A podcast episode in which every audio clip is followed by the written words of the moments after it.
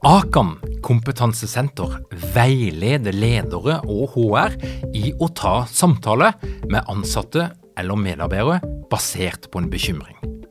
Akan setter ledere og medarbeidere i stand til å forebygge og håndtere en problematisk bruk av alkohol, narkotika, legemidler, spill eller doping blant ansatte. Ønsker du å lære mer om god forebygging og gjennomføring av samtale med en som du er bekymra for? Da kan du nå få tilgang på Akan sitt digitale samtalekurs til spesialpris, kun 760 kroner. Målet med kurset er å gjøre deg tryggere i det som kan være en krevende, men viktig samtale å ta i lederrollen. Du får tilgang til kurset med å gå til samtalekurs.no, samtalekurs.no, og bruke kampanjekoden LEDERPODDEN. Tilbudet gjelder ut april.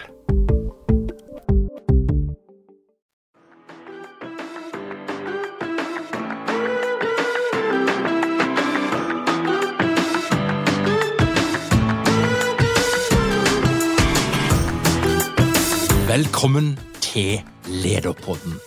Mitt navn er Tor Åge Eikerapen. Jeg jobber som organisasjonspsykolog, og dette her er en podkast om ledelse. Prosesse. Smak på det ordet. Vi bruker det til å beskrive alt mulig rart som skjer mellom mennesker på en arbeidsplass. Men hva er egentlig en prosess? Og hva er det som kjennetegner god prosessledelse? Det skal du få svar på i dagens episode. Men først skal du få et par ord fra Ellen Holt, tidligere deltaker på lederprogrammet, som i dag jobber som leder i Sveko. Ellen, var det verdt det? Ja, det er skikkelig kult, faktisk. For den følelsen sitter jeg Det er så eh, tydelig for meg at det her angrer jeg ikke én krone på. Så jeg kjørte jo full pakke. Ambisiøs og personlighetstest og alle moduler. Og jeg har hatt så god nytte av det. Jeg jobber jo med mennesker. Eh, masse mennesker, for jeg jobber også parallelt i mange prosjekter og dealer mye med mellommenneskelige ting og tang. Så jeg har fått veldig mye av eh, lederprogrammet i form av konkrete verktøy. Og jeg satte også veldig pris på de breakout roomsene, hvor jeg fikk eh, på en måte kjørt meg litt da, i kleine situasjoner med andre. Hvor man også får For det første så får du brukt den kunnskapen du akkurat har fått tilegna deg, i praksis med andre, og så får du tilbakemelding med en gang. Litt sånn Kan kanskje ordlegge deg annerledes, eller hvordan, hva tenker du om hvordan mottakeren tok dette?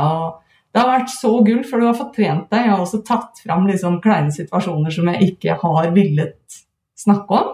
Og så har jeg tatt det da i breakout rooms og i læringsgruppe. Så jeg har virkelig lært uh, mye om det. Og for min del så handla det jo også om å få en litt sånn uh, Å få en litt uh, kunnskapsgrunnvoll for ledelsesfaget. Og jeg har fått nyvunnen respekt for at ledelse faktisk er et fag. At det er veldig mange ferdigheter som man kan lære seg. Og som vi har hørt også fram til nå, at det altså er veldig viktig å øve. Så jeg, jeg, har fått masse å øve på, og jeg får praktisert det med en gang. Det har vært så deilig. I snart 25 år har miljøet bak det som i dag er Lent, utdanna prosessledere. Vi snakker om flere tusen deltakere som er blitt trent opp til å bli gode prosessledere. Velkommen til Lederpodden, Pål Tangård og Eivind Nilsen fra Lent. Tusen takk, Torge. Tusen, tusen takk. Veldig fint å være her, altså. Jeg har jo bestilt Vennesla-dialekt fra Pål i dag, og det setter jeg altså så stor pris på at vi må si at dette her er første gang i Lederpoddens historie at vi har en, en kar som faktisk kan eh, bringe Vennesla-dialekt inn i studio. Det er jo eh, kjempegøy å få lov til å snakke litt eh, vendølelett med dykken. Det setter jeg umåtelig pris på, toget, altså. Kjempegøy. Vel, Pål Eivind, en eller annen gang på begynnelsen av 2000-tallet så fant dykken ut at verden trenger mer og bedre prosessledelse. Og, og, det er jo kanskje ikke det som folk flest tenker på når de er små og noen spør hva skal du bli når jeg blir stor. Jeg skal bli prosessleder. Hvordan kom dette her i stand? Hvor kommer dette her ifra? Ja, altså Når du stiller spørsmålet på den måten, så ble jeg sannelig litt i tvil. Skjønte vi det? At verden trenger prosessledelse på 2000-tallet? Eh, I hvert fall så skjønte vi noe om at eh, det er et eller annet rundt involvering og deltakelse som verden trenger mer av. Og jeg tror vi skjønte det på flere måter, eh, men noe av det var liksom studiene våre i eh, sosiologi for min del og pedagogikk for Pål. Vi lærte veldig mye om betydningen av medvirkning og deltakelse. Så begynte vi å utforske det eh, og prøve å skjønne ja, hvordan gjør man det, liksom. Det syns vi kanskje vi lærte litt mindre om. Vi, vi lærte mye om at det var viktig, men litt mindre om hvordan man gjør det. Og Derfra så utvikla vi noen kurs som handla om å skape involvering og, og medvirkning, reell deltakelse.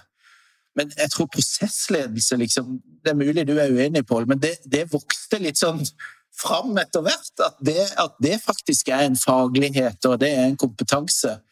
Og så gjorde vi på en måte mer og mer av det, og det handla nok noe om at det var det folk ville ha. De skjønte at de lentfolka de er opptatt av medvirkning, de er opptatt av metoder og praksiser. Ikke bare altså at det er betydningsfullt, men, men litt sånn hvordan gjør vi det? helt praktisk i hverdagen som ofte tar oss. Så jeg tror det, det var en bevegelse som starta en gang på uh, eh, 2000-tallet, og som, som, er i gang. Vi er på ingen måte ferdig. Vi har ikke skjønt helt hva det er ennå. Men det tror jeg vi kan finne ut av mer sammen. Mm. Og så leser jeg, når jeg leser om historien, det, det, er flere miljøer som smelter sammen til dag, det som i dag er Lent. Og eh, noe inspirasjon kom i hvert fall fra kaospilotene i Danmark. Kan det stemme? Ja, det, det, stemmer veldig godt. Altså, det, vi var et miljø som, eh, som, hadde bakgrunn fra Universitetet i Oslo. Og så var det et eh, miljø fra kaospilotutdannelsen i, i, Danmark. Og eh, det som på en måte bandt begge miljøene sammen, var et, var et liksom, grunnleggende tro på at den, altså de beste løsningene de klarer vi å skape når, når folk eh, får brukt sine ressurser, får brukt sine styrker i et, i et fellesskap. Da. Det handler om å skape det rommet som gjør at de eh, deltakerne blir eh, reelle medskapere i, i den prosessen. Så, um, men de hadde veldig mye gode verktøy. Vi hadde mye gode teoriforskning som lå bak, og så smelta vi oss sammen. da. Mm. Og Én ting er jo å bli fascinert av den kollektive intelligensen og involveringen, men dykken har jo rett og slett skapt en forretning ut av dette her. Mm-hmm. Det er jo sånn at eh, Til tross for at dykken har ingen studiepoeng, prosessleder er ikke en beskytta tittel, hvem som helst kan kalle det seg det, så er dykken skapt en arbeidsplass for i dag er det 15-20 mennesker. Eh, en stor virksomhet som, som rett og slett lever av å utdanne og tilby prosessledelse. Hvordan er det mulig? Ja, altså, ja, Der må jeg bare si Tor Åge, at eh, når du snakker om det nå, på den måten du snakker om det, så vokser det litt på meg. Altså, du ser det utenfra, vi er i dette hver dag. Eh, men det, det, er veldig fint å høre at du opplever det utenfra som, som noe flott og som en suksess. Eh, og hvis vi skal begynne å liksom leite litt i hva som har bidratt til det, da, eh, så kommer jeg veldig fort opp med et begrep som vi har brukt mye, og det er læringskolleger. Eh, som du sa innledningsvis, så er det jo et par tusen mennesker kanskje som har vært gjennom dette programmet eh, i løpet av de siste syv-åtte årene. Vi opplever at der møter vi altså praktikere av ypperste klasse. Så det kommer folk inn der som har med seg keiser og utviklingsarbeider som, som potensielt er samfunnsendrende, som er store og viktige og betydningsfulle. Eh, så jeg vil være veldig rask med å si at vi, vi har eh, nytt godt av et læringsfellesskap rundt prosesslederstudiet som vi har invitert inn i, og som vi har initiert, og som vi fasiliterer for. Men, men læringen og utbyttet, effektene, eh, det har vi også blitt til del gjennom alle de flotte praktikerne som kommer dit for å bygge videre på og dele, reflektere sammen med andre som vil reell medvirkning, som vil samskaping, og som er opptatt av hvordan får vi dette til å bli kultur og praksis. Så det er et første take på det. Det er sikkert masse annet, Pål. Det er mange flere faktorer. Mm. mm. Men en, en retning Paul, som du kunne ha gått i, det er jo altså, Når en driver med såkalte la oss kalle det soft skills, kommunikasjon, samhandling, alt dette her som ikke er ingeniørkunst eller økonomi eller noe som er veldig håndfast, så er det jo krevende. altså De fleste ender jo opp som en litt sånn landhandel som tilbyr alt mulig. Eh, og, og, det er veldig få som klarer å være spisse, tydelige, bestemme seg for at nei, det er dette vi skal være gode på. Mm. Og, og Hvordan har den veien vært for dere? Altså, jeg tror I stor grad så handler det om at uh, vi har lært mye eh, gjennom, eh, altså, gjennom, våre deltakere og alle de prosessene vi har ledet. Så at det, Som prosessleder så prøver du jo på et eller annet vis å både lære noe sjøl, men ikke minst for gruppa til å skape noe som aldri har vært skapt før. der og da. Og, og det gjør at Eh, det, det, at vi liksom hele tida fikk, fikk, eh, muligheten til å, til å, lære flinke folk som vi var sammen med, eh, det gjorde at vi ble mer og mer spissa mot hva er det vi faktisk bringer til verden.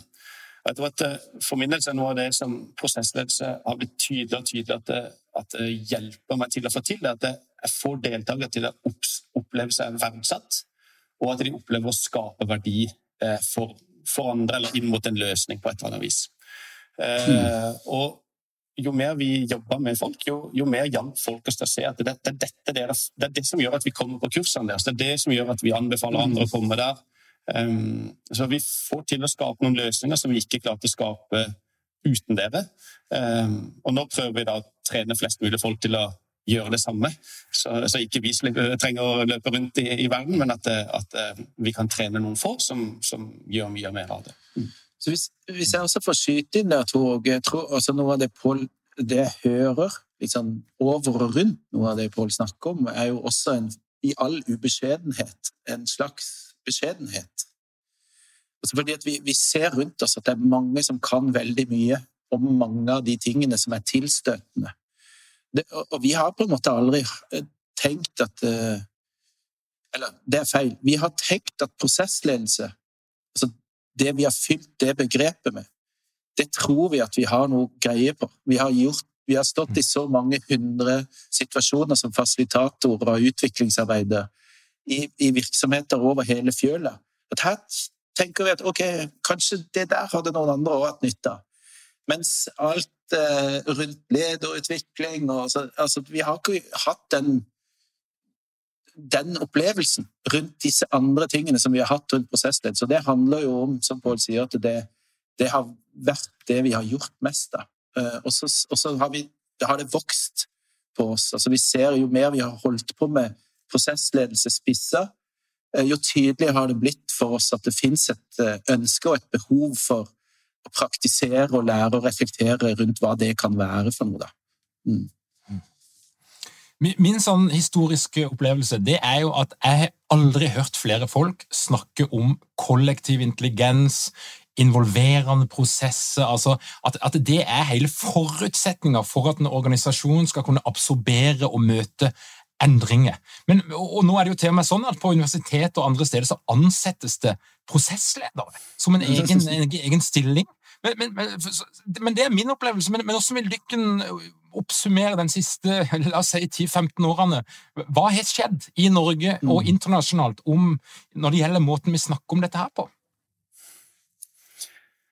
Altså, det er kanskje litt sånn samme opplevelse vi har. Altså, vi, når vi starta å bruke begrepet prosessledelse, så tenkte vi at det var et begrep som var lite brukt i Norge. Eller hvis det var brukt, så var det kanskje brukt i forbindelse med sånn prosessindustrien og, og, og, den type ting. Så det å få det over til mer som det som handler om menneskelig samhandling, samskapingsprosesser, involverende prosesser, så hadde vi en opplevelse og Det er jo kanskje litt lite sørlandsk å si, men vi hadde en opplevelse at vi var litt sånn i starten av å berede noe av den grunnen. da, eh, og at, eh, og at når, Men når folk får mulighet til å være med på prosesser der de opplever at de Eh, de både blir verdsatt og de er med på å, å skape noe sammen med andre, så, så er det både veldig gøy, eh, og du opplever at du får brukt liksom noen av de der mm, grunnleggende At du får møtt noen av de grunnleggende menneskelige behovene.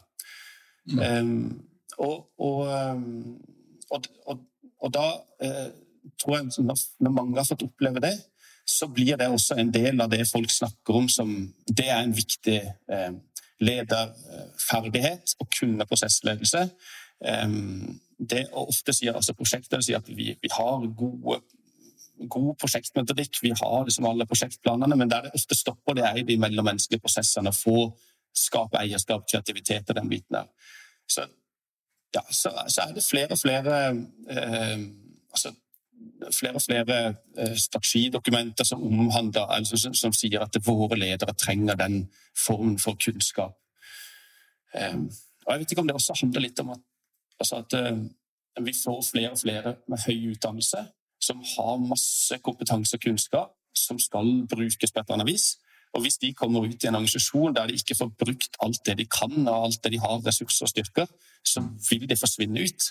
Så vi trenger ledere som virkelig får tatt i bruk alle de ressursene og de kompetansene som finnes hos, hos, uh, hos alle. Uh, ja. Mm. ja. jeg tenker det, det, er et interessant premiss også i spørsmålet, da, for det, det er jo noe av det vi har jobbet mot. da å, å gjøre noe av det som Pål setter ord på her, til en distinkt faglighet. Altså at, at for mye av det som, som Pål sier, det er mange av de som søker seg mot prosesslederstudiet og ønsker å liksom lære mer, um, så handler det veldig ofte om at, altså at man har kommet i en posisjon, gjerne av en flott uh, utdannelse over mange år, uh, og man har også erfaring og, og, og dermed blitt løftet fram til ansvar. Ehm, men eh, det ehm, er jo allikevel sånn at, at der, der, er det et eller annet ehm, som, som, vi krever ofte av disse menneskene, at de gjør alt det der samhandlingsgreiene med venstrehånda på, på kveld og helg, mens de gjør faget og liksom oppgaven med høyrehånda samtidig. Og så har vi ønsket å si noe om at her er det et eller annet der som vi har tatt litt lett på. For form og struktur har betydning for resultat. Det er ikke bare innhold av fag.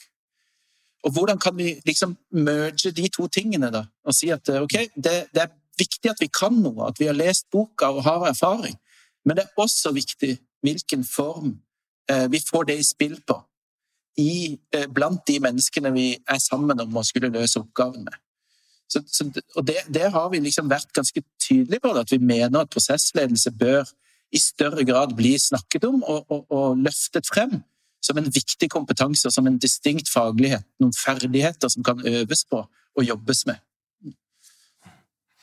Og Da må vi jo zoome litt ut og gå litt til kjernen av dette. her, For det jeg lurer på, det er jo hva er en prosess? eller Pål, og er en prosess, egentlig? Hva, henne gjenger grensa for, for, prosess og, og, noe annet? Altså for, for, for, Hvis vi skal kunne snakke om dette på en meningsfull måte, så må vi jo klare å ramme at noe Vi, vi kan ikke kalle alt for prosess, selv om jeg opplever at vi ofte gjør det i arbeidslivet i dag. Mm. Ja, eh, ja, som du sier, og, og er det egentlig for noe, Tor Åge? Nei, altså Vi sier at prosessledelse det er en ferdighet som kan læres.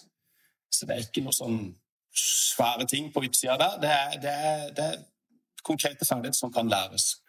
Og det handler eh, om å skape et rom for dialog og deltakelse der de involverte er med på å skape felles resultater.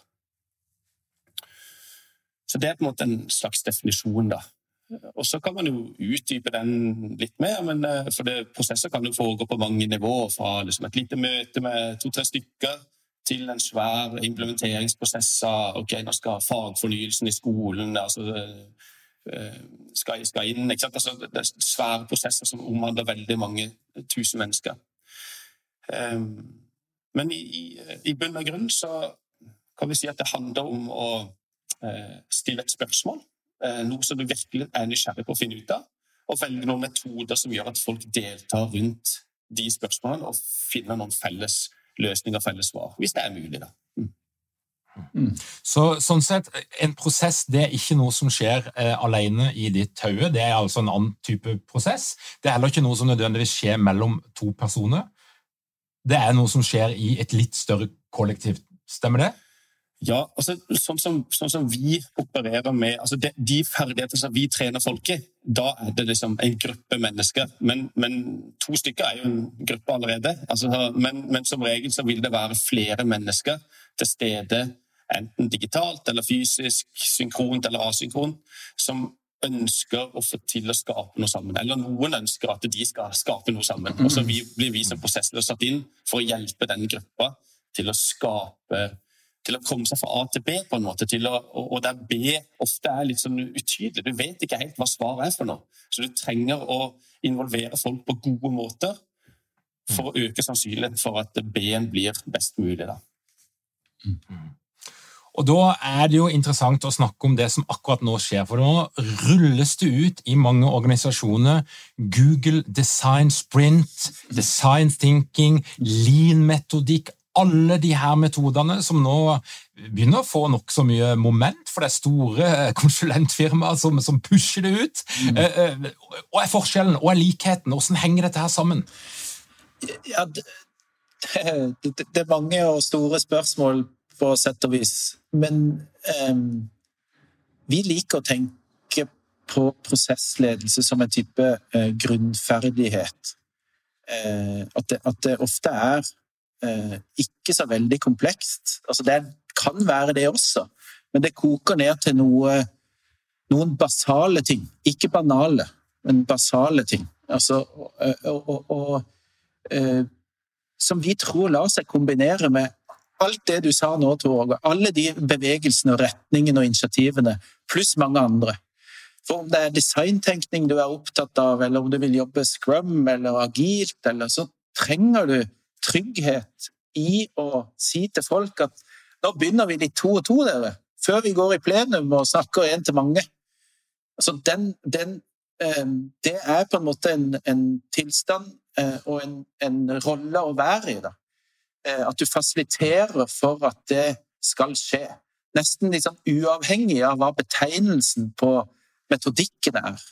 Og vi tror at noen av de tingene som man øver på på prosesslederstudiet, lett lar seg kombinere, og til og med kan bli utfylt og legge til noe. Altså at det er komplementære ting.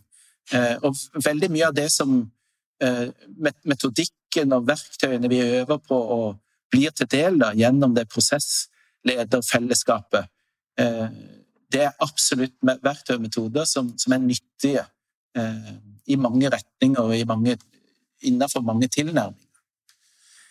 Så det er én måte. så Da sa jeg hva er likheter, og så kan man jo se noen forskjeller og, og utforske det litt også. Men, men det at det er altså, Dette er jo en lederpod, eh, å si noe om at det, at det er en grunnferdighet, kanskje, etter hvert. Altså, som Pål setter ord på, så er det jo noen bevegelser i retning av eh, få stemmer hørt, involvert, utfordringene vi står overfor er ofte en sånn karakter at vi er avhengig av perspektivrikdom.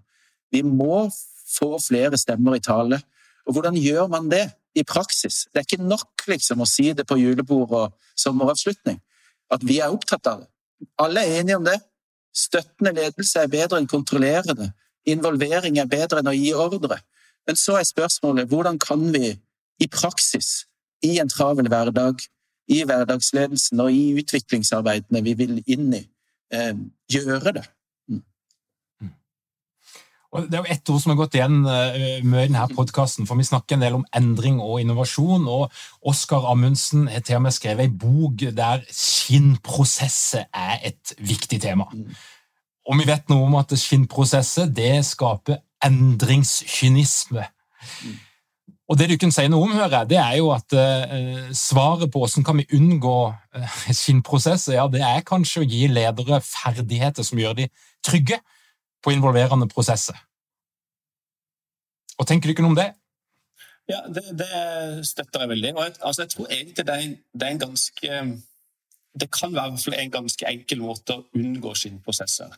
Uh, og det er at um, den som igangsetter en prosess, den som er prosesslederen, rammer inn prosessen på en ærlig måte.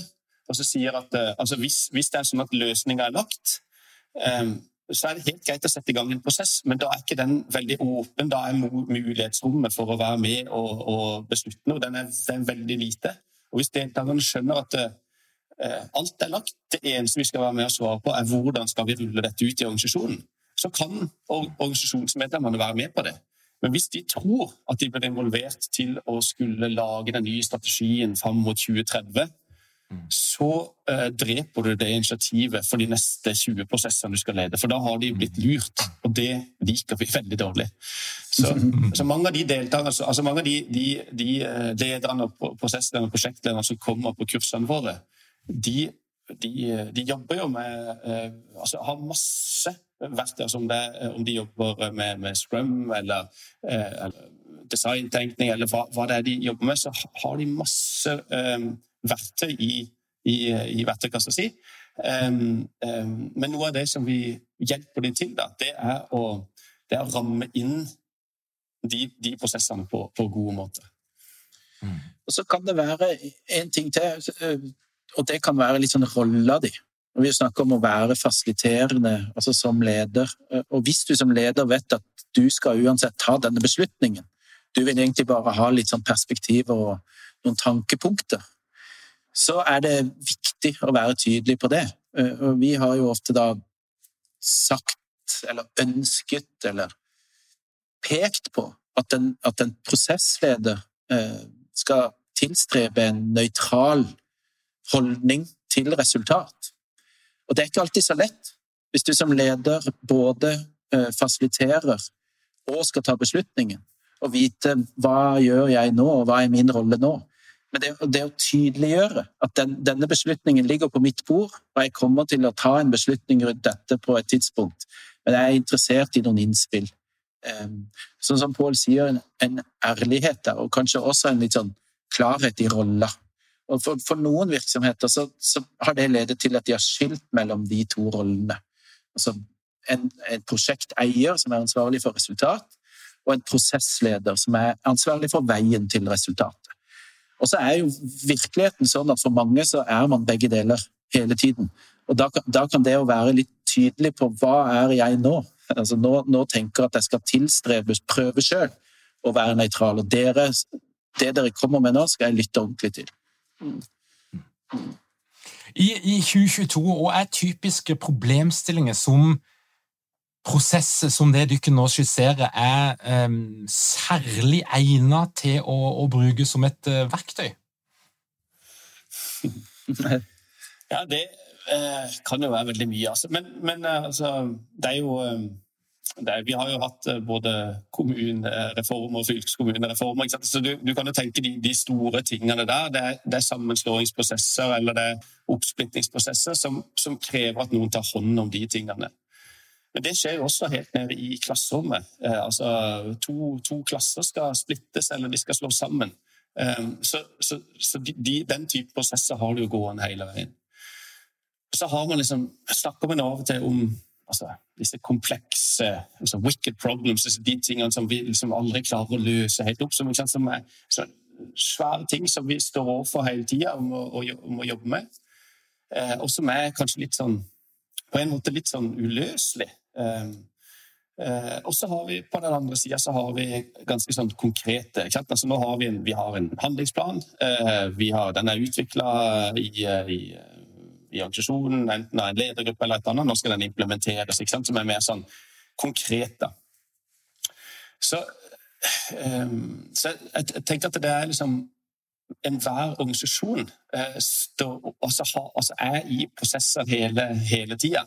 Ehm, så, så, hva som er typiske prosesser, er, er veldig avhengig av den enkelte organisasjonen. Um, og jeg, jeg, tror ikke det er liksom så lett å si hva som er typiske prosesser, eh, sånn, sånn sett. fordi at det, de er, um, de er vi, de, vi, er hele tida i et sted der vi trenger å, å skape de løsningene sammen. Vi, er, vi, klarer ikke liksom å, å, lage de alene. Um, så er du på skole, så er kanskje å lykkes med et foreldremøte en, en prosess. Er du leder for, for en stor virksomhet så er det helt andre prosesser. Mm.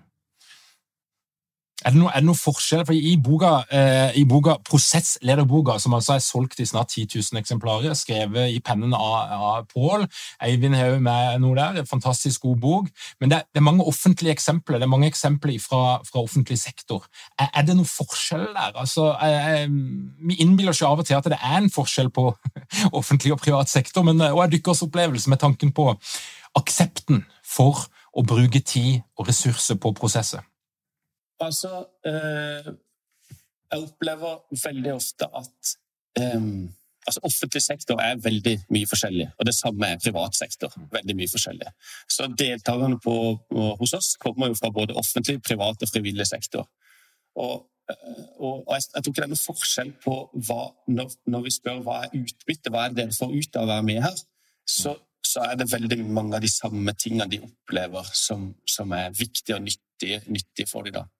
Mm. Um, men, det, men, det, er jo alltid et liksom et, Kanskje et Eller oftere et tilleggsspørsmål i private virksomheter om, um, om uh, måte, det som er den økonomiske bunnlinja eller topplinja, eller kjenner man er opptatt av det.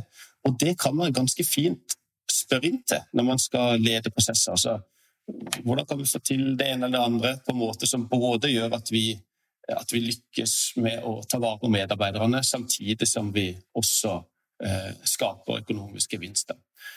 Og Det er jo det samme de offentlige virksomhetene er opptatt av. Bare de bruker økonomisk gevinst, men, men, som handler om å lykkes med å involvere eller skape gode tjenester for innbyggerne våre. Så, så de er opptatt av resultatet begge steder, eh, men, men, kan, men, de har kanskje litt forskjellige resultatmål. Mm.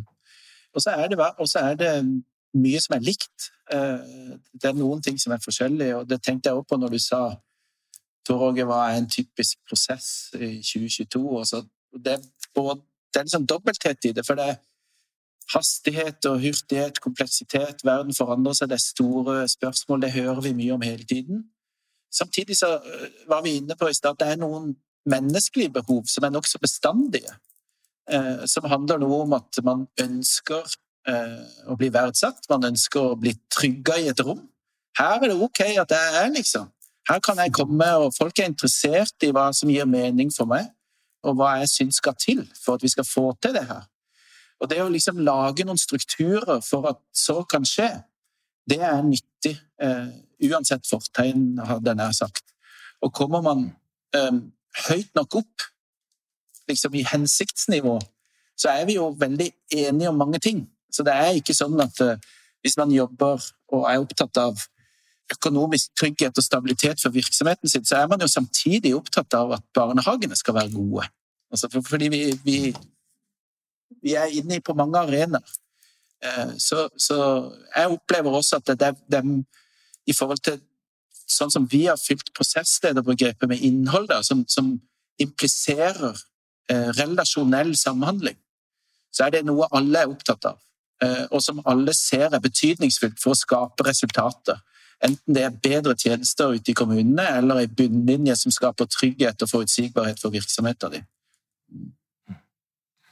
Og jeg blir jo eh, veldig nysgjerrig, for i, i boka så er det jo, altså Dykken bygger jo eh, metoden på bl.a. positiv psykologi og anerkjennende intervjuer. altså Det er en positiv vinkling. Men nå har jeg lyst til at Dykken skal snakke litt dritt.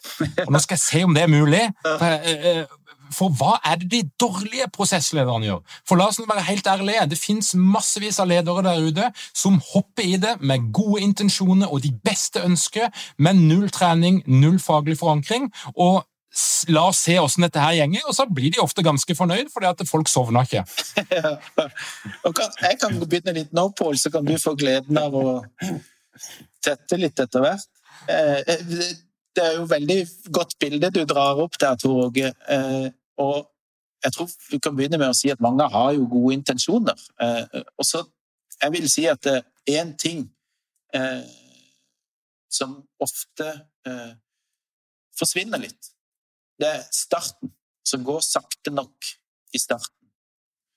Eh, vi er veldig eh, rasjonelle, raske, effektive og går rett på sak og tenker at bare vi kommer med saken tydelig nok lagt frem, så kommer dette til å gå bra. Men så er vi tilbake til de eh, basale menneskelige behovene. Altså gi folk muligheten til å sjekke inn, til å koble seg på, til å kjenne at nå er vi her sammen og vi er klar til å få til noe.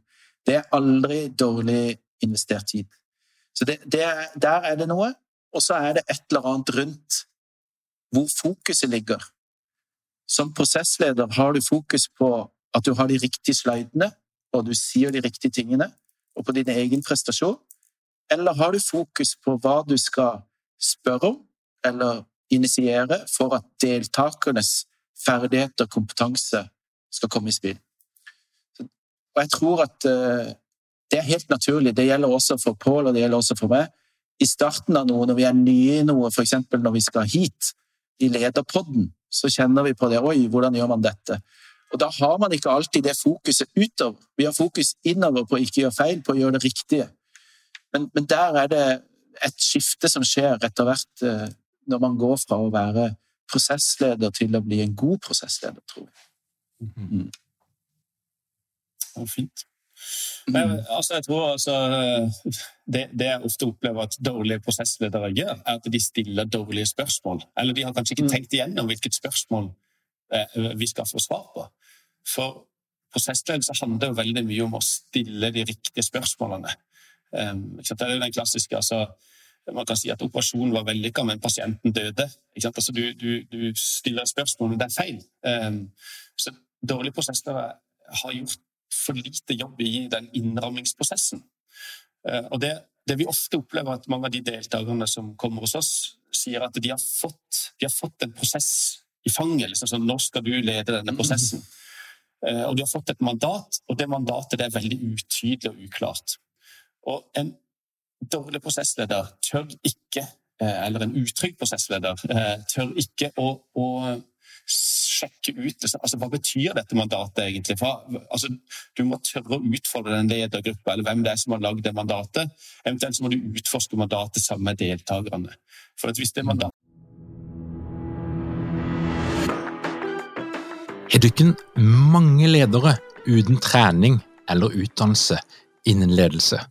Mangler dere en felles kultur og praksis for ledelse? Ønsker dere å være bedre rustet for fremtidig vekst og endring, da kan et internt lederutviklingsprogram være en god investering. I Execu så er vi eksperter på å designe og gjennomføre bedriftsinterne lederutviklingsprogram. Hvis du ønsker å lære mer om hvordan vi kan hjelpe dykken til å få enda bedre ledere, ta og klikk deg inn på execu.no.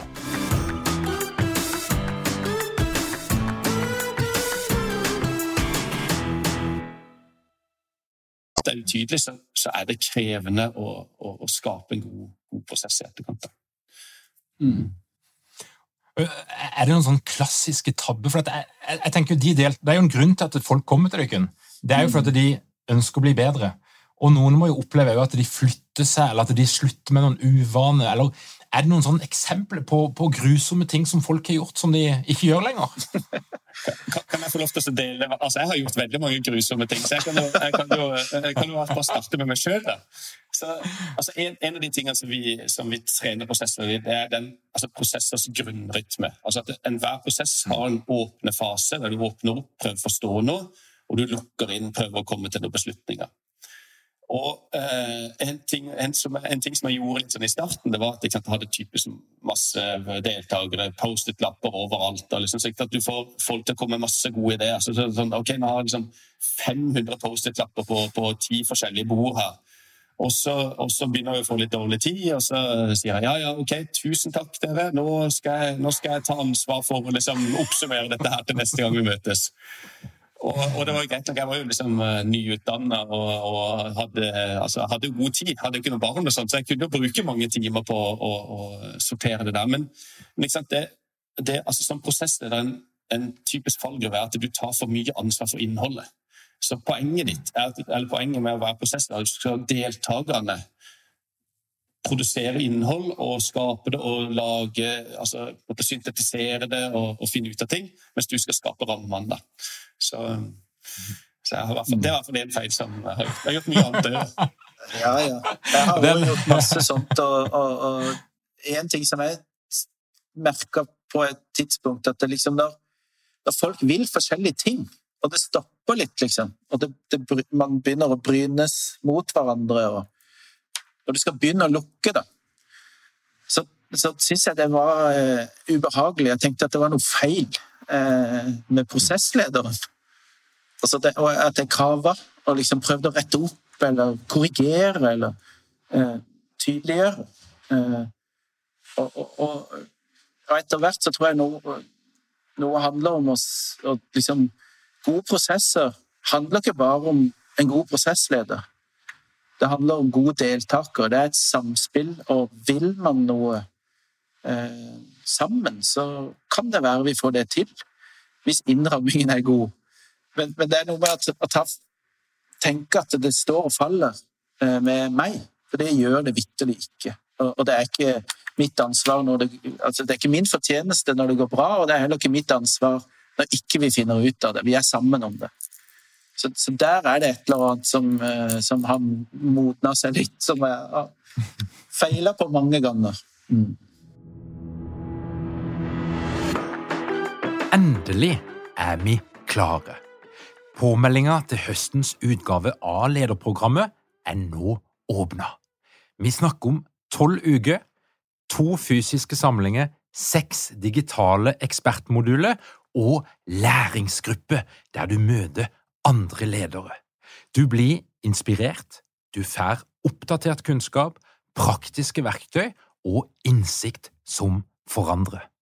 Lederprogrammet er for deg som vil være best mulig rusta til å møte og skape endring, som tør eksperimentere med ny atferd og nye metoder.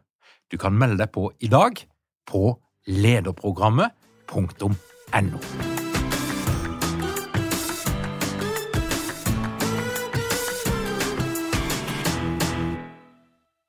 Og Da er du ikke inne på dette her temaet med motstand. Eh, for det er jo en realitet. Jeg opplever at kan, eh, i boka så balanseres det ganske fint, men, men, det er klart at på en del arbeidsplasser, når det er foregått masse store endringer, så sitter det folk der som de ikke har lyst til å være på noen workshop. De har ikke lyst til å sitte rundt et bord med noen kollegaer. De har lyst til å jobbe, eller kanskje er de imot hele greia. Mm. Er, altså, de vil ikke ha den sammenslåinga. De har aldri ønska seg noen sammenslåing, og de, de, hater det. Det er ingenting med, med dykken som prosessleder å gjøre, men, men det er et sterkt følelsesmessig engasjement som kan være relativt legitimt. Men hvordan takler en de tingene på en god måte? Det, altså, det, er ikke lett å takle på en god måte. Um, altså, hvis, hvis, folk ikke vil, vil være der, så, så, er jo det helt, det er helt legitimt. Um, og, altså, men det, det, vi ofte altså når vi, uh, Motstand er jo et tema som og deltakerne ofte er opptatt av. Uh, og når vi spør dem om hva tror dere dypest sett ligger bak den motstand som dere har opplevd? Vi har hatt mange tusen gjennom mm, dette spørsmålet her. Og et av de svarene som oftest kommer opp, det er vi tror at deltakerne kjenner på en frykt. Altså de er utrygge for et eller annet. Um, så um, altså um, Peter Senge sier at um, at det, det, er ikke Altså, folk, eh, folk er ikke liksom redde for, for endring, men de er, de er, redde for å bli endra, på en måte. Altså, du, de, du, har lyst til å være med på, på, på endring hvis du sjøl kan, kan, være eh, delaktig i hva det, hva det betyr. Så, så, det vi har sett som altså den grunnleggende eh, inngangen til å jobbe med motstand, det er å anerkjenne motstand på et eller annet vis. Altså anerkjenne hvor er det folk er hen. Ehm, hva, hva, hva står du i? Eh, og så prøver vi ganske fort å gå fra, ehm, fra det som de opplever krevende, eh, vanskelig, til å spørre hva er det dere ønsker dere istedenfor. Altså, eh, vi har blitt veldig sånn, inspirert av en som heter Peter Lang, som sier bak ethvert problem fins en frustrert drøm. Så hva er den drømmen som du ønsker deg istedenfor? Det er ikke sikkert det er så himla viktig liksom, om, om, vi skal endre på de kontorene. Poenget, mitt, poenget, for meg er at jeg får lov til å være kompis med han han sitter ved siden av meg. Liksom. Altså, det er det som er viktig. Men når vi skal sette i gang en eller annen sånn type endringsprosess, så blir det behovet for, for nærhet og vennskap og et eller annet Det blir trua, og dermed så blir jeg redd. Så ja. Mm. Mm. Ja, og, vi sa noe i stad også om den derre eh, gå litt sakte før man begynner å gå fort. Og, det eh, Dette henger også sammen, tror vi. Altså at, det, at mm. mye motstand eh, kunne vært unngått hvis vi tok oss tid til å sette rommet. Til, til, å undersøke litt hva skal til for at du har det bra med å være her og delta. Hva, hva ønsker du å få ut av det? Eh, og så er det jo en gang sånn at det er Det kan jo være at jeg er uenig i denne sammenslåingsprosessen akkurat nå, men grunnen til at jeg sier det akkurat nå, det kan være at eh, jeg ble forbigått av henne eh, for ti år siden. Mm. Så det er alltid mange ting i spill samtidig. Eh, og det er det ingen av oss som kan ha full oversikt over. Men, men mm. å ha respekt for det, det er mm. alltid for vedkommende en god grunn til at ting er det de er. Som prosessleder så er vi i hvert fall veldig lite tjent med å plassere årsaken i deltakerne. Så det vi er tjent med, er å stille oss sjøl spørsmålet hvordan kan vi legge til rette for at de kan kunne komme inn her på en måte som oppleves bedre for dem. Og her er vi jo på noe sånn sentralt, for jeg tenker jo prosesslederrollen det er en rolle der du gjør deg sjøl sårbar. Altså, Du stiller deg overfor en hel haug av mennesker som kan ha meninger om den du er, og det du gjør. Og jeg tenker også at Som prosessleder så gjør du andre sårbare. Du kan gjøre det. Og det er jo litt av det som, som Paul, du skriver om, at uh, som prosessleder så holder du litt av deltakerens liv i dine hender. Og plutselig blir det veldig alvorlig fra at det bare var gøy med masse lapper og kule greier. Hva er, hva er Kan du beskrive litt alvoret i det å fasilitere eller lede en prosess? Ja, ja, jeg syns du setter godt ord på det. Altså, det med, altså, vi tre sitter sammen her og snakker nå. Og um, altså, Løvstrup sier at uh, vi holder alltid um, hverandre altså Vi holder alltid den andre i, i, våre hender. Så med alt hva vi sier og gjør nå, så kan vi gjøre hverandre mindre eller større. Og du er jo god eh, til å gjøre oss større og på en måte løfte oss fram. Eh, gjennom måten du sier ting på, måten du responderer, spørsmål du stiller. Eh, og som prosessleder så tenker jeg at eh, hver gang altså Eller som leder, som, som menneske altså Hver gang du du liksom stiller et spørsmål til noen, hver gang du inviterer til deltakelse, så, um, så har du mulighet til å um, altså posisjonere de andre deltakerne som ressurssterke, som, som, noen som har noen styrker, som noen som har noe som vi trenger for vårt fellesskap. Så, øh, og, og der er det jo noe alvorlig. Eh, og så tror jeg man kan gjøre det med en letthet. Altså, jeg, tror kan, altså, jeg tror ofte liksom, Eivind er fantastisk god til å bringe inn humor i alle mulige prosesser, og det har jeg lært veldig mye av. Um, så jeg, tror man kan gjøre det der også med, med, med noen form for, for, for letthet. Men, men um, alltid så ligger det en mulighet for at uh, den personen på det bordet der vil sitte og riste på huet når du sier noe. Um, og, og, og, og, hvordan, hvordan liksom, går du inn i det der?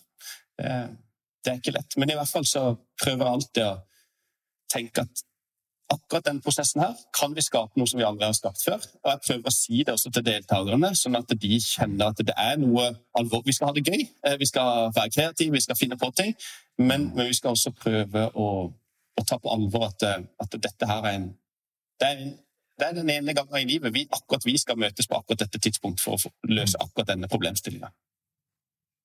Mm. mm. Og det er jo en, sosial arena der du lett kan kjenne på avvisning eller inkludering, men, men det, liksom, det, ligger latent der. Eh, og det jeg lurer litt på, det er og, godt sortert må en god prosessleder være? For her snakker vi om at tenk, altså, du kan få kritikk, du kan få stygge blikk, du kan få masse greier, og hvis du reagerer på det med å gå i forsvar eller angrep, altså er du jo litt ute å kjøre. Mm. Ja. Nei, igjen, altså det, det er gode spørsmål. Det, jeg må også tenke meg ordentlig om. Eh, godt sortert. Vi er jo forskjellige som prosessledere, også i Lent. Noen av oss eh, går til sides i et eget rom noen minutter, puster ordentlig med magen, kanskje trekker opp igjen sist gang vi ledet en prosess som både var god å være i, og som skapte noen resultater. Hva skjedde da? Eh, Pål og meg ofte når vi reiser sammen for å gjøre ting, så snakker vi om hva skal til for at vi kan være her på en ålreit måte og bidra på vårt beste, liksom. Og vi kunne også snakka om hva om vi ikke gjør, ikke sant? Men jeg tenker at uh, erfaringen, altså at det å ha gjort det før, bidrar til at man på et eller annet vis kan sortere, da. Og være sortert nok når du står der. Jeg tror ingen av oss kan liksom stille seg opp foran 50 mennesker og walk in the park, liksom, uansett hva temaet er. Altså, det, det, er som du sier, det er noe sårbarhet i det. Både for den som står der, og for de som skal ta imot. Men det er det da sannelig å være menneske uansett. Så det, det er på en måte å, å, å, være reelt til stede i det, det går an å, å bli vant til. Mm.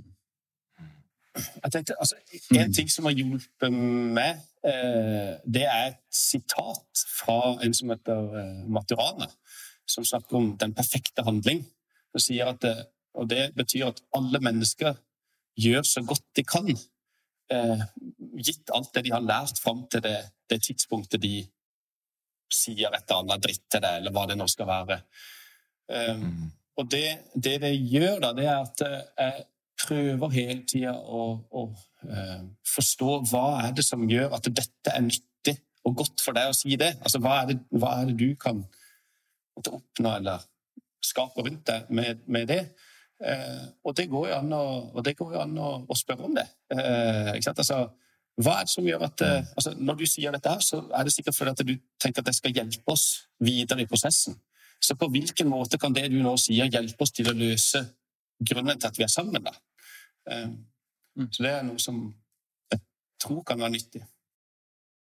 Ja, og Det er jo litt sånn strategier når det skjer. Mm. Eh, og der, der, finnes det jo mange måter å møte det på. Som du sier, Torge, så det vi ikke ønsker, er å gå i forsvar og ha motstand. da. Møte motstand med motstand. Men åpent eh, og oppriktig nysgjerrig på hva ønsker du istedenfor. Takk for at du bringer inn dette. Det er sikkert av betydning. Du er sikkert ikke den eneste som kjenner på det. Og det koster deg noe å si det. Hvordan kan vi bruke din stemme, som er betydningsfull i dette fellesskapet, til at vi kommer oss et stykke vei videre? Og så tror jeg, helt praktisk, i Lent så jobber vi ikke alene med dette her. Vi er alltid to. Eh, og for meg har det vært helt avgjørende, fordi jeg kan bruke enormt mye krefter på å bekymre meg Eh, hvis jeg er der i ensom majestet og vet at den dagen er viktig, det er mange som har satt av tid. Men, men, det å liksom vite at vi er to til å forberede oss, to til å ta det inn, være der, lytte godt, og to til å lære av det vi har erfart, det tror vi eh, er betydningsfullt for praksisen som prosessledere. For det er relasjonelle ferdigheter. Eh, så det, de gode prosessene fordrer også gode deltakere. Og mm. det er et samspill. Så det å modellere det gjennom å være to som kanskje snakker til hverandre på en gitt måte, eh, og stiller hverandre spørsmål på en gitt måte, det er også med på å modellere en, en, et modus. da. Mm. Det er en åpen nysgjerrighet, og gjerne en anerkjennende sådan. Som du har sagt, så har jo vi hatt nytte av å utforske litt hva, hva det perspektivet kan bringe da, i, i prosesslederfaget. Og når jeg hører på dere nå, så hører jeg jo at dette her er jo blitt altså dette, her, dette her er forma dere som mennesker. for Det er sjelden jeg hører noen som er så positive i sin vinkling og, og sitt perspektiv på, på, på, det som skjer. Så jeg, jeg tenker jo at, at den, Er det en evne som dere har trent opp? Eller hvis jeg hadde snakka med noen som da gikk eh, i klasse med dere i syvende klasse, for eksempel, hadde de sagt at de var alltid nysgjerrige og positive og tolka det meste i beste mening. altså kan, for min egen del kan jeg si at eh, jeg har en ganske sånn godt utvikla kritisk sans. Eh, så, så jeg, har, eh, jeg, har, ofte vært ganske sånn tøft å kritisere. Um, uh, selv om jeg har gjort det snilt og forsiktig, tror jeg, som, som en sørlending, så, så, var jo også det noe av det jeg lærte på universitetet. Det var liksom altså, Hvordan kan jeg finne feil og mangler i denne teoretikerens perspektiver. Altså, hvordan kan jeg sette de teoretikerne opp mot hverandre? Så For min del så skjedde det en, en stor endring eh, eh, når jeg møtte på eh, noen av de mer som det man kaller styrkebaserte tilnærmingene, eller anerkjennende eh, tilnærminger. Eh, særlig fra en, en, som heter David Cooperrider, blant annet, men som, som har vært så ekstremt sånn tydelig på at eh, det å leite etter eh, Altså det å være kritisk eh, eh, undersøkende til de positive avvikene, eller det som, det som, på en måte er godt og fint blant oss, det, eh, det, er også en form det er også en fornuftig måte å bruke den kritiske sansen til. Da. Så ofte så gjør vi når vi skal liksom evaluere noe, så nevner vi det som er bra, og så, og så, snakker vi om det som er dårlig, og vi undersøker det og prøver å finne årsakene til det og løfte det opp.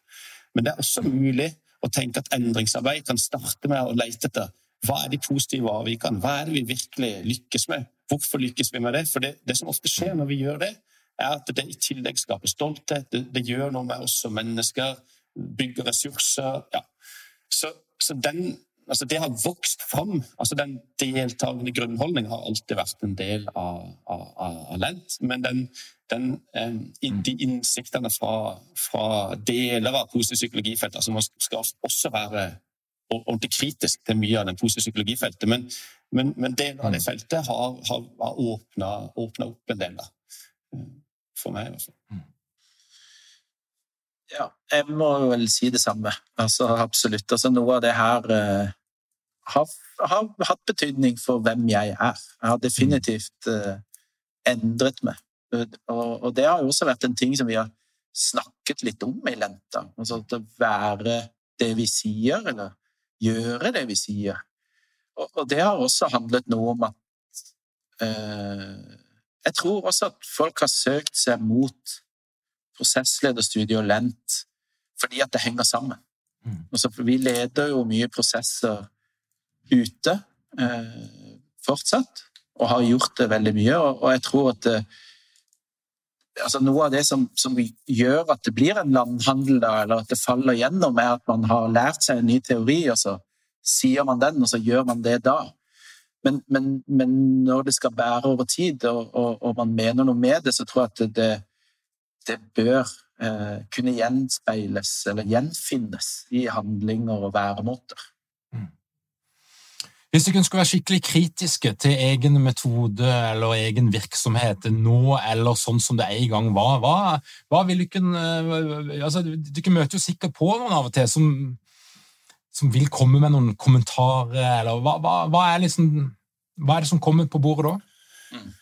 Altså, det kan for eksempel så kan det være at eh, altså, vi har ikke tid. Altså, dette her tar, tar, for mye tid. Og det er jeg helt enig i. Altså, noen ganger så tar prosesser for mye tid. Altså, så noen ganger så er det godt at det er noen ledere som skjærer igjennom. Sånn, sånn er det.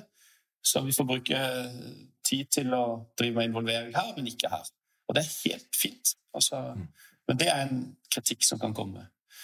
En annen kritikk som, som uh, vi hører, altså, altså sånn altså, Oi, dette her blir et sånn type sånn positivitetstyranni. Altså, altså, nå må du være positiv, da. ikke sant? Som kanskje er det aller verste du kan bli møtt med hvis du liksom våkner opp og er litt sur og gretten på morgenen, og så sier noen til deg at ja, men få nå fram smilet ditt, da. Ikke sant? Altså, det, du, da kommer fingrene fort, og du blir ganske, ganske sinna.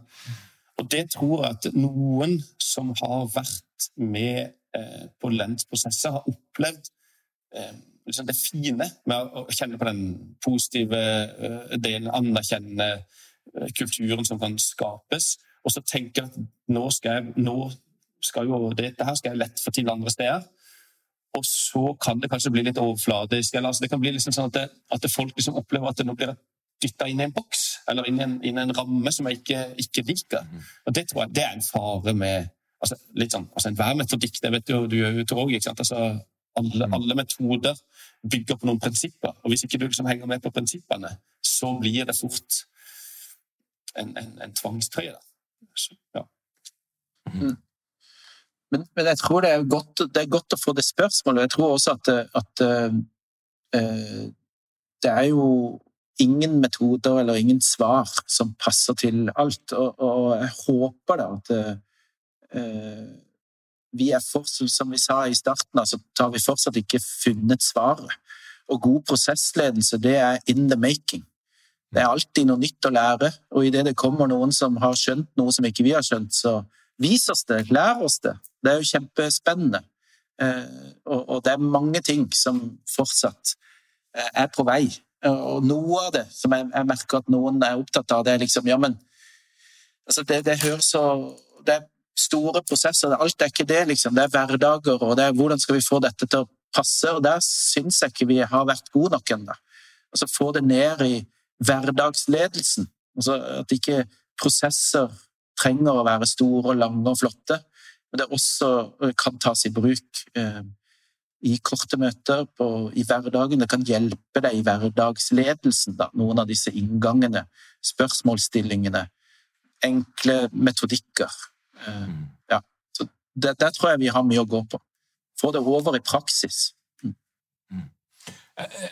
Noe av suksessformelen Jeg har jo snakka litt med dere på forhånd, og min analyse er at noe av suksessformelen er en form for standardisering der metoden er personuavhengig. Altså at eh, Hvis du jobber i Lent og hvis du blir trent opp der, så kan du gå ut og trene opp andre, og du kan lede prosesser, eh, litt uavhengig av din karisma og personlighet og alt det som konsulenter ofte er avhengig av for å lykkes.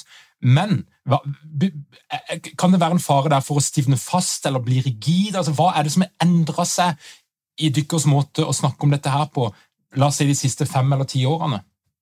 Hvilken progresjon ser du ikke sjøl i, i, det som har skjedd, bortsett fra at selskapet er vokst? Hmm.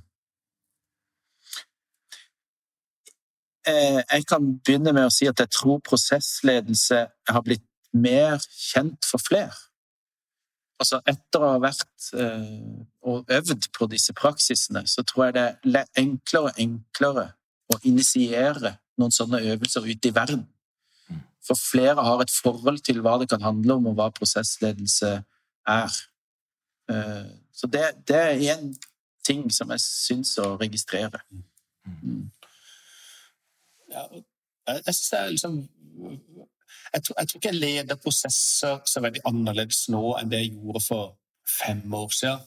Jeg, kanskje litt annerledes enn det jeg gjorde for ti år siden, men de, de siste fem årene så tror jeg kanskje at det liksom, jeg ikke nødvendigvis leder de veldig forskjellig. Men, men, men litt sånn som i den forrige podkasten din, da, så, der du snakker om at altså, vi har liksom lett for å binde oss opp i én metodikk, så er altså, tanken med, med prosessledelse at du skal kunne ha kan bruke hva som helst av verktøy, egentlig, eh, bak der. Men det som, det som, for min del ligger som en grunnholdning, som, som, eh, som jeg liksom alltid har med meg, det er, eh, det er noen prinsipper som handler om altså, hvordan kan jeg få til å anerkjenne den enkelte. I, altså at alle skal oppleve at de er verdifulle og, og, viktige for at vi skal skape noe i fellesskap her inne. Og så er alt av metoder og verktøy og innramming og alt det andre jeg gjør, det, det, gjør vi for å få det der til. Um, og så er jo håpet at vi skal komme fram til best mulige løsninger der framme. Men de løsningene det, det, er avhengig av den gjengen som er der. Så, så når jeg ikke skal ha svaret, så stiller jeg spørsmål, og så lager de rammene. Og det står der. Men så, men så lærer vi helt nye verktøy. Altså, uh, ja. Så uh, akkurat nå sitter jeg og leser doktoravhandling som jeg syns er kjempespennende. Så tenker at dette her skal jeg jo putte inn neste gang jeg skal undervise om prosessledelse. Men, uh, men om to måneder til så er det noe annet igjen. Men ja, sånn er det. Eivind, du er daglig leder, og, og, eh, det er ikke sikkert min analyse er riktig, men, men, jeg ser jo at um, når det gjelder dette her såkalte soft skills-markedet, så, så, er det en liten endring der. der de Tidligere så var det massevis av små selskaper som alle hadde sin greie uh, og sine metoder, mens jeg ser at de her større aktørene begynner mm. i økende grad å ta inn over seg prosess, ledelse, alle de her mm. kommunikasjons... Altså, soft skills generelt. Eh, mm. og, og de, de, har dype lommer, de har store markedsbudsjetter, de kan gjøre ting som, som er nesten umulig for, for mindre aktører. Hva, hva tenker dere om framtida? Hvordan skal Lent klare seg når PwC og alle de andre griske konsulentselskapene kommer med sine klør? Jeg får nesten lyst til å løpe og gå hjemme med. altså eh, Ja. Eh, helt sånn grunnleggende sett, hvis prosessledelse blir noe som mange driver med, og gjør oftere eh, sammen med flere, så er det to tomler opp. Det er bare kjempebra. Og vi er overhodet ikke bekymra for at mange skal drive med det på, på ja, det, det, det, mener vi faktisk, at det er fint da, hvis det blir mer samhandling, mer medvirkning. Eh, og, og, så tror vi jo at eh, at det går liksom ikke av moten, da, noen av de tingene vi har snakket om eh, i dag det står seg ganske godt. Eh, behovspyramiden til Maslow den kikker vi stadig vekk på enda, selv om trendene forandrer seg. Og noen av de tingene som vi mener kjennetegner Lent sin tilnærming til prosessledelse, som jo da handler om samspill, eh, relasjonelle prosesser eh, Det vil være en vedvarende interesse for det. Og vi kommer til å lære stadig mer. Vi lærer masse av de 200 som er ventet inn mot høsten. Så vi lærer noe nytt om det hele tiden. Eh, og folk eh, kommer hvis de er fornøyd, og det er jo litt av det vi har erfart. At når folk har vært der, så sier de til kollegaene sine at det her er det et eller annet, liksom. Som, eh, som vi får minst like godt der som noen andre plasser. Og det tror vi vil fortsette. rett og slett. ja. Så det er ikke et fullgodt svar, men det er i hvert fall en sånn følelse, vi har en opplevelse, og det, det har vist seg å, å, å, stemme før.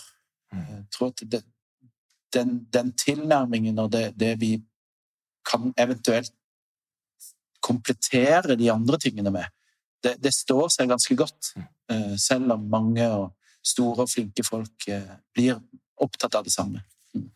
For nå stender det jo på min uh, Facebook-feed og blinker en annonse for NHH eh, sitt 15-poengs eh, studiepoeng, som heter altså prosessledelse.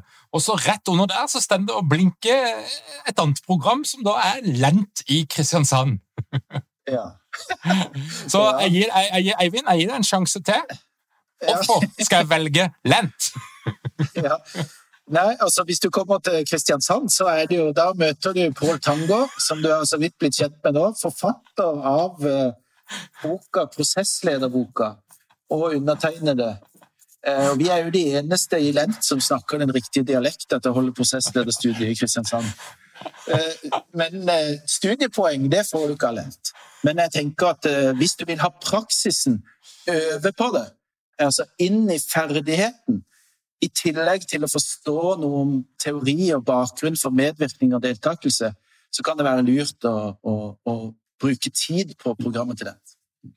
Mm. Eh, hvis vi skal prøve å koke ned, da. Det er ledere som, som lytter på Lederpodden, og det er ganske mange konsulenter og rådgivere òg. Men, men, men, ledere som da ønsker å starte nå på mandag, med, med, for de skal ha en prosess, nemlig.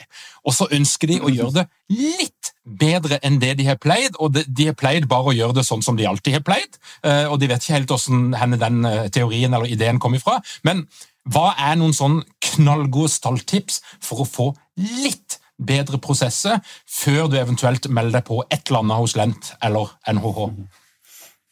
Jeg, jeg tror i hvert fall jeg ville eh, altså Det er jo en slags floskel, men jeg ville i hvert fall tenkt igjennom altså, hvorfor i huset skal vi sette i gang denne prosessen akkurat nå? hva, hva er det vi vil oppnå? Og som, Hvis ikke du klarer å svare på det, så, så bør du på en måte ja, gå en par runder til før du, før du setter i gang. Og så er det neste jeg ville gjort, det er å lage et spørsmål som drar i retning av det formålet.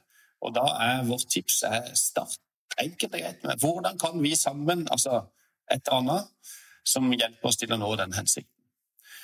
Og så er det tredje tipset jeg ville gitt, det tror jeg vil være å um, altså, få, delta, altså, få deltakerne i det møtet eller den gruppa eller den, uh, altså de, de, som skal være med, til å snakke sammen med noen de vanligvis ikke snakker sammen med om de, disse viktige spørsmålene. For veldig ofte er det de samme som snakker med de samme, og vi vet hva som kommer.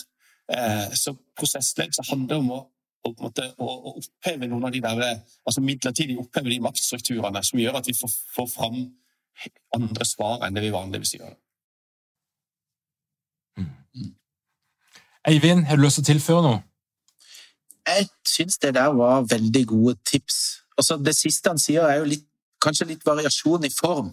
Så hvis man kan klare, eh, som Pål sier, to og to, en du ikke har snakka med nok i det siste, eh, istedenfor å gjøre det i plenum. Eh, to og to, det er grunnrytmen. Litt hver for oss. To og to, inn i ei gruppe, og så eventuelt, kanskje, hvis du må, opp i et plenum. Men det som skjer i, i, i samtaler i par og grupper, det fins. Selv om ikke det blir sagt høyt i et plenum. Mm. Det skaper noe. Altså, jeg har tillit til at den samtalen mellom de to om dette spørsmålet som er viktig for oss, er skapende, eh, er også et tips, da. Mm. mm. Så varier i form, hvis du kan. Pål og Eivind, tusen takk for at dere kom til Lederpodden. Er det noe som dere har lyst til å melde ut til våre lyttere før vi gjenger hver til vårt? Altså, jeg tenkte faktisk på altså, Veldig mange ledere sier at eh, altså får en sånn eh, sier at oh, dette er jo egentlig en gavepakke. Fordi at det, nå, Jeg trenger ikke å sitte med alle svarene. Det jeg skal gjøre, jeg skal stille gode spørsmål, så skal medarbeiderne eller de andre deltakerne i prosessen være med å skape svarene sammen med meg, eller eventuelt hvis du vil på en måte trekke det litt unna, eh, så, så, er det på en måte skal ikke jeg ha del, del, av det svaret, del i det svaret, men det er de som skal skape det. Og Det er egentlig det er både litt skummelt, men det er også en gavepakke. Jeg er enig. og Jeg har lyst til å bare tilføye der at eh, tenk som leder at du eh, kan gå litt i rette med det derre én og én-fokuset. Eh, Hver sin oppgave og lykke til, vi snakkes til våren, liksom. Det, noe av det som ligger i den tilnærmingen eh, til prosessledelse som vi har fått eh, gleden av å snakke litt om i dag, handler noe om at sånn trenger det ikke å være. Jeg kan si at dette kan vi få til sammen. Kanskje kan man gi oppgave til to og to, og så deler vi litt på ansvaret. Eh, der er det eh, mye å hente, mye, mye vi ikke har utforsket ennå. Vi, vi, vi, hviler fortsatt ganske tungt i en sånn individuell eh, tradisjon i forhold til prestasjoner og, og, og oppgaveløsning. Men der tror vi at det, at det, er noe å hente i, i, eh, i noen sånne variasjoner. Prøv, prøv noe annet av og til. Prøv noe annet av og til. Igjen, tusen takk for at du kom til Lederpodden. Takk for at vi fikk komme. Til deg som hører på, takk for at du hører på Lederpodden. Hvis du vil vite mer om alt som skjer i vårt lederunivers, så er det bare å gå inn på lederpodden.no. Trykk på den rette knappen, legg igjen din e-postadresse, og du får vårt nyhetsbrev hver eneste fredag. Hvis du vil lære mer og gå litt dypere i materien, ja, da har vi en klubb, en forening, et nettverk for deg. Det er digitalt, og det heter Ledernettverket, og høstens program er nå klart. Og du melder inn på ledernettverket.no. Igjen takk for at du hører på Lederpodden. Vi høres igjen om ei uke.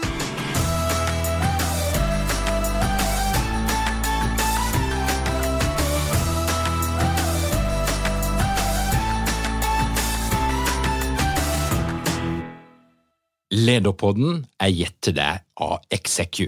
Vi tilbyr leder- og ledergruppeutvikling som gir effekt. Les mer på execu.no.